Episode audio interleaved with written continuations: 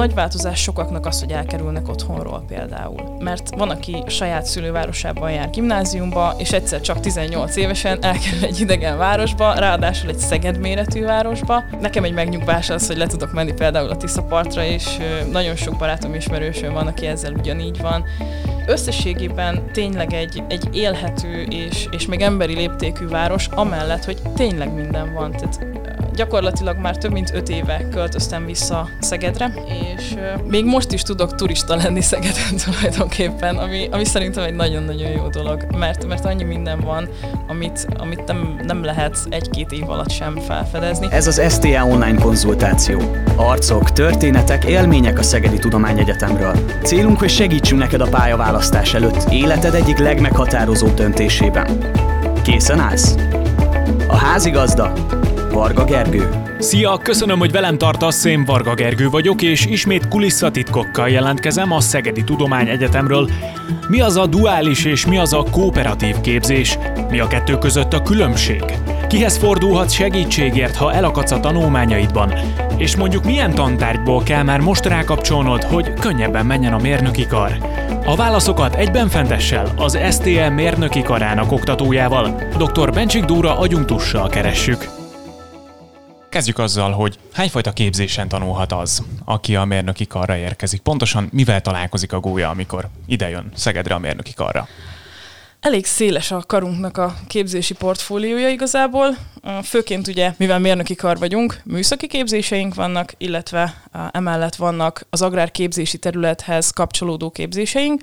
A műszaki képzéseink közül ugye minden van BSC, illetve MSC szinten is, a BSC szakjaink közül a műszaki vonalon a mehatronikai mérnök szakkal találkozhatnak a hallgatók, a gépészmérnök szakkal, műszaki menedzser szakkal, az agrárképzési terület hez tartozóan, de még mindig a nagyon műszaki vonalon maradva pedig van egy olyan képzésünk, hogy élelmiszeripari, vagy mezőgazdasági és élelmiszeripari eh, gépészmérnök eh, szak, és szintúgy agrárképzési területen pedig a eh, nagy volumenben, vagy nagyobb volumenben működő képzésünk az a, az, az élelmiszermérnök BSC képzés.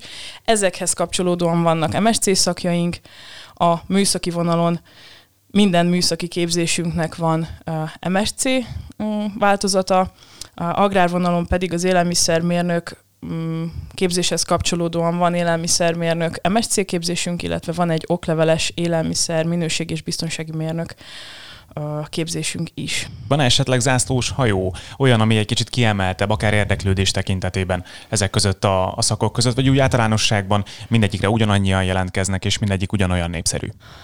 Igazából a nagy létszámmal menő szakjaink közül talán a legnagyobb létszámmal az élelmiszermérnök képzésünk megy. Ugye az élelmiszermérnök képzésnek Szegeden több mint 50 éves hagyománya van, tehát ez egy hagyományosnak mondható és, és magas színvonalú képzést nyújtó szak. Nyilván magas színvonalú képzés nyújt az összes többi szakunk, de talán ez nevezhető az egyik zászlós hajónak. A műszaki vonalon pedig a mehatronikai mérnök szak iránt elég nagy az érdeklődés, a gépészmérnök szakunk iránt is elég nagy az érdeklődés. Az élelmiszermérnök esetében esetleg azért is van ez így, hogy ilyen nagy hagyománya van, mert mondjuk könnyű elhelyezkedni itt a, a környéken, vagy, vagy van valami olyan gyakorlati hely, ami, ami felveszi a hallgatókat, segít nekik a a képességei kialakításában? Szerintem uh, szerepe van annak, hogy ennyire népszerű ez a szakunk, meg ez a képzésünk már egy jó ideje, hogy az élelmiszer iparnak egy ilyen központja gyakorlatilag ez a régió. Tehát itt Csongrád megye, meg közvetlenül ugye Szeged környéke nagy élelmiszeripari feldolgozó cégek vannak. Ez egy, ez egy vonzerő, illetve szerintem a vonzerőnek a másik része az, hogy hogy jó hírű és tényleg magas színvonalú az a képzés, amit kaphatnak nálunk a hallgatók. És igen, akár gyakorlati helyek szintjén is fölveszi a hallgatókat tulajdonképpen a, az ipar, illetve nálunk a karon van duális és kooperatív képzés is, és ebben is nagyon sok ipari partnerrel dolgozunk, úgy a, az élelmiszeres vonalon, mint a műszaki vonalon. Tehát ott is nagy az érdeklődés a, a hallgatók részéről a duális és kooperatív képzés iránt, illetve a cégek részéről a hallgatók iránt. Mi a különbség a kettő között, bocsánat, a duális és a kooperatív között? Tudunk erről beszélni Persze. kicsit? Ez szerintem fontos lehet. A duális képzés az úgy néz ki, hogy az már a képzés elejétől indult. Tehát amikor a hallgató beadja a felvételiét az intézménybe, akkor kell ugye a, fel, a rendes felvételi eljárás során az intézménybe felvételizni, és beadja az önéletrajzát és minden szükséges dolgot ahhoz a céghez is, ahova ő duálisra szeretne menni. És ugye az egyik, fel, mindkét feltételnek teljesülnie kell, tehát felvételt kell, hogy nyerjen a pontjai és egyéb dolgok alapján a, a karra, illetve a cégnél is kiválasztásra kell, hogy kerüljön a hallgató, és gyakorlatilag az első naptól kezdve, hogy ő részt vesz a képzésben, ő már duális hallgató is, ez azt jelenti, hogy bizonyos időt a cégnél gyakorlatilag dolgozik a hallgató. Mm, a, vagy hát részt vesz a cégnek a munkájában. A kooperatív képzésnél úgy történik a dolog, hogy a negyedik teljesített fél év után mehet a hallgató kooperatív képzésre. Itt is ugye a céghez be kell adni önéletrajzot, tehát kiválasztásra kell kerülnie gyakorlatilag a hallgatónak, és ugyanúgy a, az iskolai elfoglaltságok mellett ő már be tud kapcsolódni gyakorlatilag a cégnek a, a munkájába. Mm, egyre népszerűbb egyébként ez a képzési forma nálunk a karona hallgatók között, nagyon szeretik, hiszen amellett, hogy egy csomó mindent hallanak az iskolában, és nagyon sok mindent próbálunk nekik nyilván megtanítani, a, a szakmát, a, a cégeknek a, az életének a megismerését, azt, azt nyilván jobban, mm, vagy magasabb szinten tudják elérni, vagy nem tudom, tehát jobban meg tudják ismerni a cégeket ezen keresztül, a képzésen keresztül, de nem teljesen frissen, gyakorlatilag gólyaként kerülnek oda, hanem van már gyakorlatilag a alapismereteik az alapozó tárgyakon keresztül. A negyedik fél évre azért már ugye a szakirányos tárgyak is, a szakos tárgyak elindulnak, tehát kicsit nagyobb úgymond a szakmára a rálátásuk, amikor elkerülnek a, a kooperatív képzésre. Mennyire vannak tisztában vele az emberek általánosságban, meg az ideérkező hallgatók, hogy pontosan mi is lesz belőlük. Tehát, hogy vannak ilyen általános tévhitek, amik élnek a mérnökökről általánosságban az emberekben, és mondjuk ami nem annyira igaz, de akár a képzésről is beszélhetünk, tehát, hogy mondok egy példát, ugye a mérnöki, bocsánat, a gazdaságtudományi arra kapcsolatban ugye arról beszélgettünk, hogy mindenkiben az él, hogy itt nagyon jó matekosnak kell lenni, hogyha én el akarok jönni a, a GTK-re, ami közben ez feltétlenül nem is igaz, ugye ez derült ki végül. Tehát van, vannak ehhez hasonló tévhitek, klisék a mérnöki arra kapcsolatban? Ha a műszaki képzést nézzük, akkor pont felosztod a matekot. Ugye egy sarkalatos pontja a műszaki képzéseknek a matematika. Nyilván rengeteget kell számolni, és egy csomó olyan módszer van, aminek elengedhetetlen része a matematika. Nyilván egy, egy meghatározó része nálunk is, ugye főként a műszaki képzéseknek a matematika oktatás, meg ugye egyáltalán az alapozó tárgyak. Talán az élelmiszeres képzésnél, amitől így mm, félni szoktak, vagy kicsit ilyen mumus jelleggel működik, az általában az ilyen szintúgy matek, fizika, kémia, ilyen alapozó tárgyakat ugye minden képzésünkön tanítunk, hiszen a szakos tárgyaknak a, a megtanulásához, a megértéséhez kellenek ezek az alapozó uh, tárgyak, de azért uh, nyilván a, a kollégák is, akik ezeket a tárgyakat tanítják, tudják, hogy, uh, hogy nem egy szintről indul ugye az egész társaság, hiszen van, aki matek specializációról jön, neki nyilván könnyebb a dolga, vagy akár kémia specializációról jön egy gimnáziumból, és, és nyilván úgy van felépítve a tananyag, hogy elsajátítható legyen a, a hallgatók számára. Mm, igen, talán, talán ezek a, a mumusok, hát ha nem is tévhit, hogy, hogy matek nélkül itt nem lehet boldogulni. Nyilván matek nélkül a szakmában nem lehet boldogulni, de elsajátítani mindenféleképpen el lehet. Úgyhogy ha tévhitek nem is inkább ilyen mumus tárgyak azért vannak. Ebből kiindulva, hogy néz ki egy mérnök hallgatónak mondjuk egy, egy napja, egy hete? Hogyan épül fel a képzés? Nem muszáj akkor most ezeket a mumusokat emlegetni, hanem egyáltalán is milyen tárgyakkal találkozik, és milyen mondjuk egy számonkérés? Akár a, a műszaki vonalon, akár az élelmiszeres vonalon nyilván úgy vannak fölépítve, mint gyakorlatilag bárhol máshol. Vannak alapozó tantárgyak, ezek leginkább az első kettő-három fél évre mm, tehetőek. Ezek ugye ahhoz szükségesek, hogy később a szakismereteket könnyebben elsajátítsák a hallgatók. Az első fél években azért tényleg matematika, fizika, kémia, nálunk az élelmiszeresen, azért mondom, hogy nálunk, mert én egyébként az élelmiszermérnöki intézetben dolgozom, ott tanítok, leginkább az élelmiszermérnök képzéshez kapcsolódóan. Tehát kémia, biológia, mindenféle alapozó tárgy. Ez a képzés elején van, de már az első évfolyamon bejön például az élelmiszerképzésen nyersanyag ismeret, tehát hogy egy picit már a szakmát megpróbáljuk bevinni a rendszerbe. Nyilván nem csak a, ezekre a szakokra, hanem úgy általában igaz, én, hogyha a saját tanulmányaimra visszagondolok, az első egy-fél év, amikor tényleg minden gyakorlatilag az alapozó tantárgyakról szól, az sokszor ilyen ijesztő lehet a, a hallgatóknak. Mm. De mm, ezeken túl kell lenni. Utána, hogyha ezen túl vannak az emberek, akkor, akkor már tényleg a, a szakirányos tárgyak elindulnak, vagy a szakmához kapcsolódó, közvetlenebbül kapcsolódó tárgyak, és, és gyakorlatilag így épül fel. Az élelmiszermérnök képzésen a harmadik fél év után van egy szakosodás, és a, jelenlegi rendszerünkben választhatnak növényi és állati termék vonalból a hallgatók. Itt változás előtt állunk, és egy kicsit szélesebb palettáját fogjuk a, majd kínálni az oktatótiparágaknak, illetve nagyobb lesz majd a, a választási lehetősége a, a hallgatóknak, de mindenféleképp uh, vannak olyan tantárgyak, amiket nagyobb mélységben tanulnak. Ezek már tényleg teljesen szakmai tárgyak, tehát ha az élelmiszermérnöki képzést nézzük, akkor kifejezetten egyes iparágakra fókuszáló tantárgyak. Ezt a részét azért már nagyon szokták élvezni a hallgatók, tehát amikor tényleg a, az alapozó tárgyakon túl lendülnek, akkor, akkor utána már nyilván, ami, ami közvetlenül a szakma és életszagú, akkor életszagúbb, akkor, akkor az, már, az már azért szokott nekik tetszeni. Mennyire kemények a vizsgák, mondjuk te hogyan szoktál vizsgáztatni? Mennyire, mennyire kell tartani a vizsgákkal egyáltalán? Hogy néznek ki ezek? Tehát, hogy vannak olyan gyakorlati jellegű vizsgák, mondjuk, amik érdekesebbek, mint más karon, hogyha lehet ezt, így, ezt a kérdést így feltenni? Hát, hogy egy ilyen tanáros klisével kezdjük, aki tanul, annak nem nehéz a vizsga. Tudom, ezt Mert mindenki tanul, hát persze. Hát persze, nyilván mindenki tanul.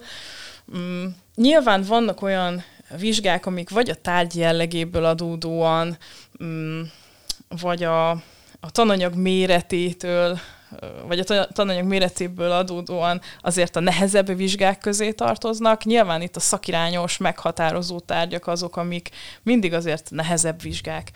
Azok a tárgyak, amik utána záróvizsgán is előkerülnek, nyilván, tehát hogy meg kell követelni úgymond a hallgatótól, hogy egy megfelelő szinten tanulja meg ezeket a, ezeket a tantárgyakat, mert hát nyilván nem csak azért, mert aztán oda fog ülni a záróvizsgán, és ebből záróvizsgázni kell, hanem azért, mert a tantárgyak, amik bent vannak a képzési tervekben, azok nyilván nem véletlenül kerültek bele ebbe a képzési tervbe, vagy ezekbe a képzési tervekbe, és, és gyakorlatilag a, a tudásra lesz majd szüksége, hogyha kikerül hogy mennyire nehezek, hát vannak nehezebbek és vannak könnyebbek, de szerintem újat nem mondtam, ez minden képzésen így van. Nálunk én saját tapasztalatból azt tudom mondani, hogy talán a, a szakos tárgyaknak a vizsgái nehezebbek, illetve nyilván azért azok az alapozó tárgyak, aki, ha így visszatérünk a, a mumus tárgyakra, Nyilván vannak, akiknek a matek vizsga nehezebb, de van, aki kisújból kirázza, van, akinek a kémia vizsga nehezebb, de van, aki azt is kisújból.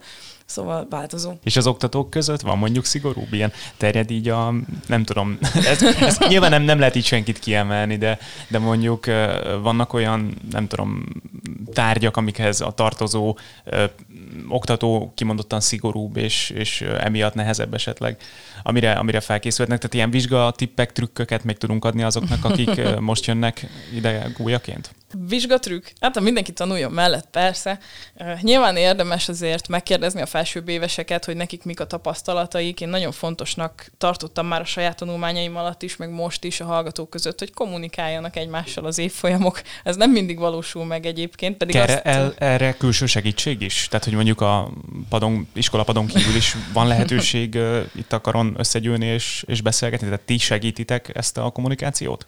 Igyekszünk ezt segíteni, igen, és ha már felhoztad ezt a, ezt a segítség dolgot, nálunk a Karon elég nagy sikerrel és hatékonysággal működik egy mentorprogram, és a mentorprogramon belül vagyunk páran oktatók, akik segítjük gyakorlatilag a hallgatóknak a munkáját. Akár ezeket a kommunikációs dolgokat, akár hogyha valakinek valami elakadás van a tanulmányaiban, vagy sokszor magánnap jellegű problémákkal is megkeresnek minket, és, és igyekszünk mindenkinek a, a problémáira megtalálni a megoldást. Ez is elő szokott persze jönni, hogy egy nehezebb vizsga előtt valamiféle tanácsot kérnek a hallgatók, mm, azzal az adott tárgyal kapcsolatban, amiből, amiből éppen egy ilyen nagy vizsgára készülnek, mm, illetve az egyetemnek, ugye már korábbi podcast adásokban hallottam, hogy előjött, van egy csomó olyan lehetőség, amivel tudja segíteni a hallgatókat, tehát az életmód tanácsadó központ, vagy életvezetési központ, akár a karrieriroda, vagy az alma mater,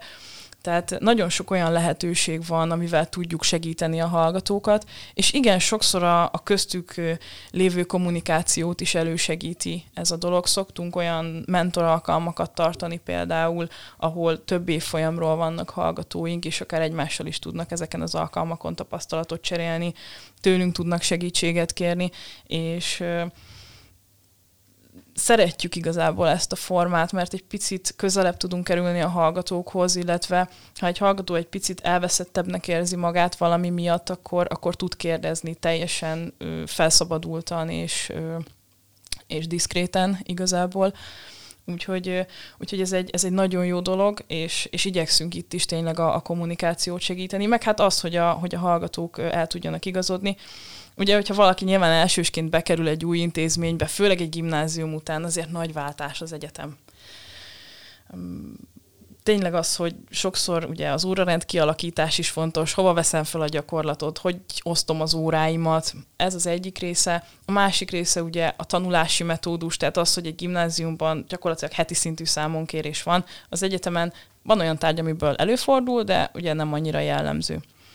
Tehát rá kell egy, egy másik tanulási módszert arra állni igazából a, a, a bejövő hallgatóknak. Ez egy nagy változás. Nagy változás sokaknak az, hogy elkerülnek otthonról például. Mert van, aki saját szülővárosában jár gimnáziumba, és egyszer csak 18 évesen elkerül egy idegen városba, ráadásul egy Szeged méretű városba, és, és sokszor tanástalan, és, és akár, akár a várossal kapcsolatos, az eligazodással kapcsolatos dolgokkal is szoktak keresni minket egyébként a hallgatók. És elég sokan érkeznek Szegedre a, a mérnökkarra is, tehát téged is visszavonzott gyakorlatilag, ha nem is hallgatóként, hanem oktatóként.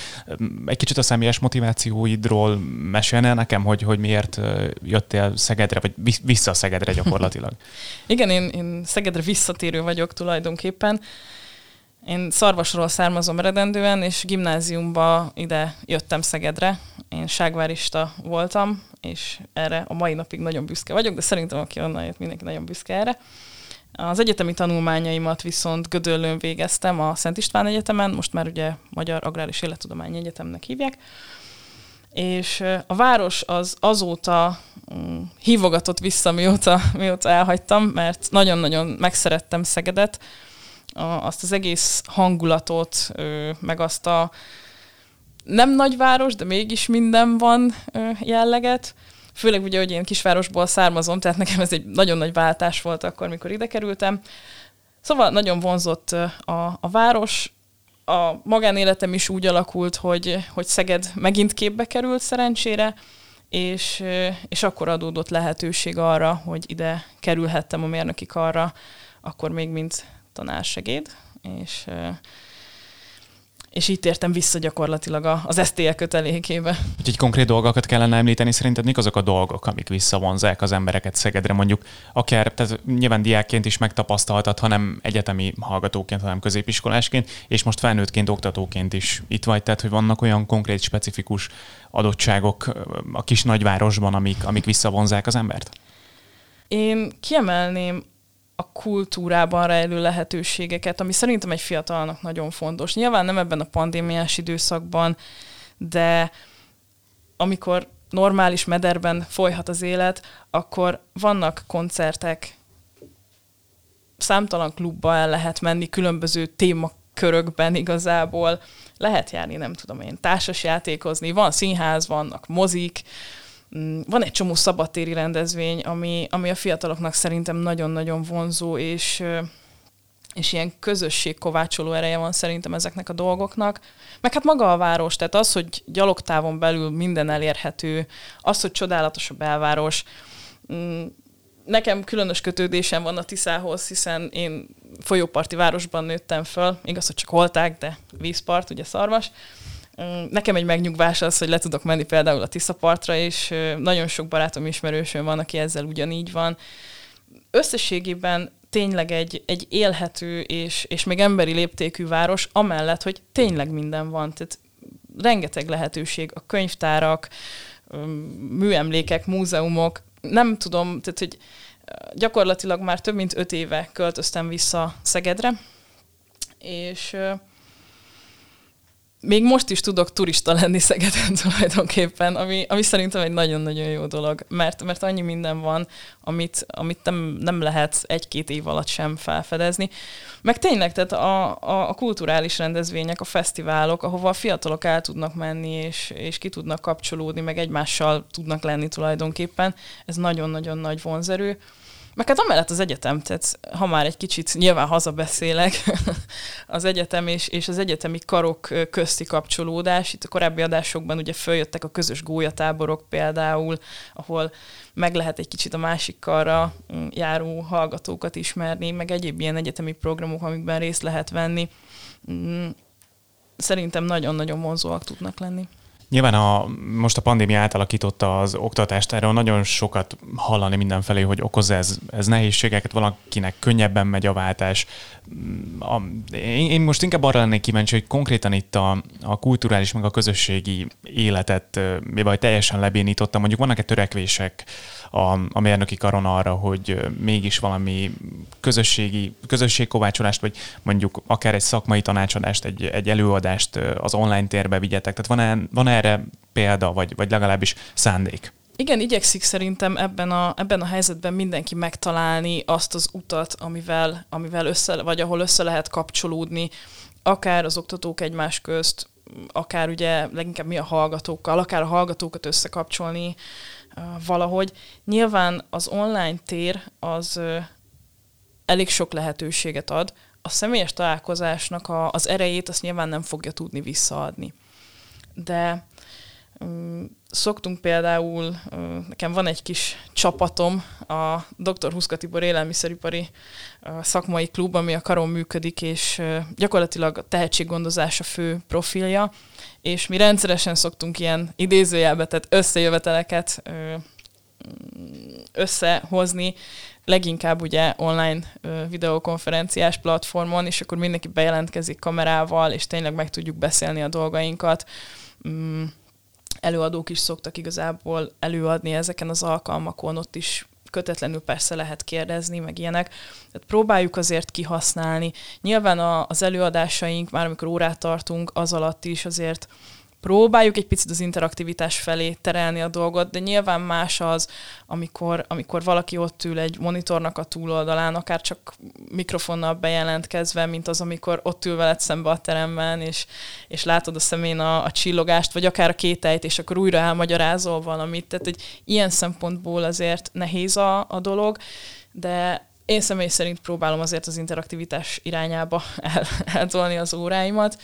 Mm, illetve, amit már ugye korábban említettem a mentoros dolog kapcsán, ott is a, a csoportos mentor alkalmakon, ahol tényleg kötetlenül lehet megbeszélni mindenkit érintő dolgokat, mm, azért tud egy ilyen jó kis megbeszélésé válni a dolog, de, de azért ez, a, ez az online, ez az online tér, ez, főleg úgy, hogy ahhoz vagyunk hozzászokva, hogy az osztályteremben vagy hát az előadó termekben találkozunk a hallgatókkal, ez azért megnehezíti a, az életünket. Reméljük, hogy mi hamarabb visszatér minden a, a normál kerékvágásba. Egy utolsó kérdés lenne, amivel egy kicsit visszaterelném a kedv csinálásra, illetve arra a részére a podcastnek a, a témát, hogy, hogy miért is jöjjenek a hallgatók ide.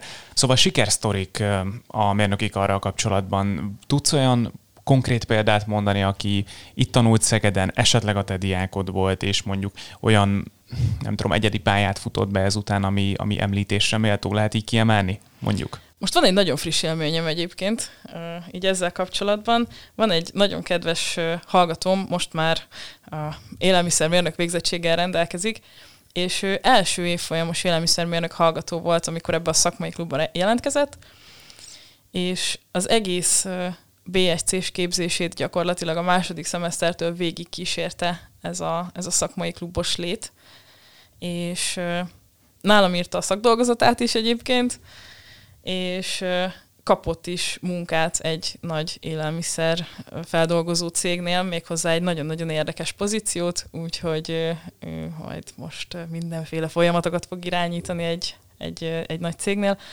és, és tényleg nagyon jó ezt igazából oktatóként látni, hogy ilyen szép ívek vannak, és ő csak egy kiragadott példa, de, de számos olyan, olyan hallgatónk van, akik akár szakmailag, akár tudományosan indulnak el olyan pályán, amit, amit tényleg nagyon jó és nagyon szívmelengető látni, mert amellett, hogy a mm, karon nyilván megtartjuk az órákat, és mennek a képzések.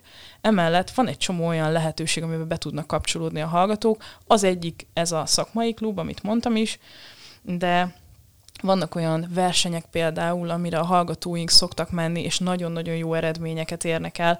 A műszaki vonalon csak, hogy kiemeljek egy-kettőt, szokott lenni pneumobil verseny, vagy a Selleko maraton, amin, amin rendszerint nagyon jó eredményeket érnek el a, a csapataink mm, élelmiszeriparos vonalon, épp ez is egy viszonylag friss dolog, most az ősszel a Hekaton című versenyen, ami egy országos élelmiszeripari verseny, ilyen tanulmányi verseny, hát a dobogó első két fogát az sikerült a, a karunknak, a két csapatának elhozni. Rengeteg munkát beleraktak a, a srácok, és, és öröm volt őket egyébként mentorálni ez alatt a verseny alatt. Tényleg nagyon-nagyon jó volt. Ebből is nagyon sokat lehet építkezni. Meg hát az ilyen talán szokásosnak mondható versenyek, mint a Tudományos Diákköri Konferencia, az Országos Tudományos Diákköri Konferencia. Ezekbe bekapcsolódva tényleg olyan plusz dolgokhoz lehet jutni nálunk a karon, amit, amit aztán tudnak kamatoztatni igazából a, a szakmai életükben, hogyha kikerülnek az egyetem kötelékéből. Ez volt az STL online konzultáció. Köszönöm, hogy velünk tartottál. További érdekességekért, hasznos tippekért hallgass meg korábbi epizódjainkat is. Szia!